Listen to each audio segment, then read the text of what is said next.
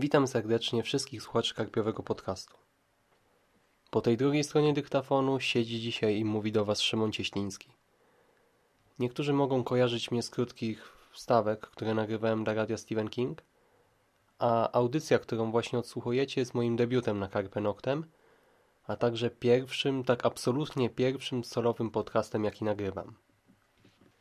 Długo zastanawiałem się, co wybrać na temat tego podcastu. Ostatecznie padło na dosyć specyficzną pozycję autorstwa Jacka Piekary, a mianowicie na Alicję.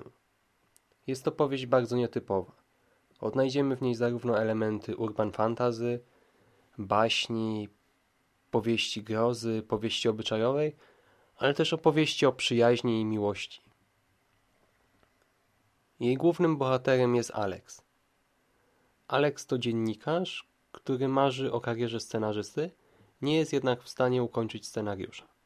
Pracuje nad nim latami, poświęca dla niego właśnie pracę, przyjaźnie, ogólnie szansę na jakieś takie normalne życie.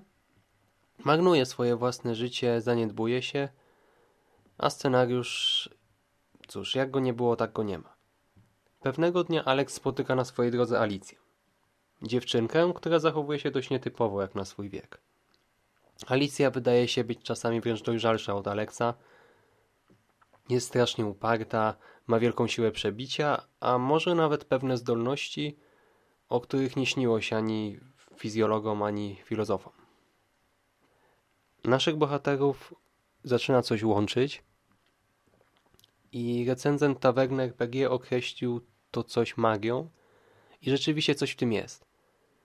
Alicja wkracza w życie Alexa i wywraca je do góry nogami. Dzięki niej Alex może zrewidować swoje dotychczasowe poglądy, podsumować swoje dotychczasowe życie i przede wszystkim zmienić je. Czy na lepsze, czy na gorsze, naprawdę trudno to ocenić, ale na pewno to nowe życie jest o wiele ciekawsze. Powieść została podzielona na dwie części i w dwóch tomach została też pierwotnie wydana przez nieistniejące już wydawnictwo Red Horse. Nowe wydanie od Fabryki Słów zawiera w sobie od razu dwa tomy. Pierwszy z nich to Alicja i Miasto Grzechu. Tak naprawdę pełni on funkcję rozbudowanego prologu do tomu drugiego i przypominał mi trochę powieść obyczajową. Poznajemy w nim Aleksa i Alicję, ich problemy oraz wspólną drogę do ich rozwiązania. Całość łączy coś w rodzaju ramy fabularnej, skupiającej się na pojęciu odwagi cywilnej, czy w szerszym znaczeniu poświęcenia się dla bliźniego. Drugi tom książki to Alicja i Ciemny Las. W pierwszej chwili fabuła przypomina taki miszmasz wątków z różnych powieści fantazy lub ciąg narkotycznych wizji, powiedzmy dość odczytanego młodzieńca. Spotkamy tu czarne kruki, złote smoki, zielonookie niewiasty, potężnych wikingów, zdziwaczałych profesorów, dzikie jednorożce i wiele, wiele innych baśniowych stworzeń. Ponownie powraca tutaj też motyw walki z przeciwnościami losu oraz poświęcenia się dla drugiej osoby. Tym razem jednak uwagę czytelników przyciąga nie tylko warstwa obyczajowa, ale też świat przedstawiony. Akcja przenosi się z miasta do tytułowego ciemnego lasu, do takiej dziwnej i groźnej krainy, w której Alex będzie musiał sprostać wielu wyzwaniom, by uratować Alicję. A przynajmniej tak mu się wydaje, lub też tak nam się wydaje. I w tym miejscu warto powiedzieć też kilka słów o narracji. Piekara strasznie bawi się czytelnikiem. W pierwszym tomie bardzo często mocno spoileruje wiele przyszłych wydarzeń i to już od pierwszych stron książki. Z jednej strony zabieg ten bywa irytujący, z drugiej strony przykuwa uwagę i zmusza do dalszej lektury. Czasami autentycznie wkurzałem się, gdy czytałem, że to i to przydarzy się bohaterom na jakiś 100 stron przed danym zdarzeniem, ale no cóż, no i tak czytałem dalej, bo przecież musiałem się dowiedzieć dlaczego i w jakich okolicznościach ma do tego dojść. Drugi tom powieści natomiast chyba najlepiej opisać cytatem z książki. Tu początek cytatu. Są pytania, które pozostają bez odpowiedzi. Są pytania, których nie można zadawać. Są odpowiedzi, do których trudno znaleźć pytanie. Koniec cytatu. O co w tym chodzi, już wyjaśniam.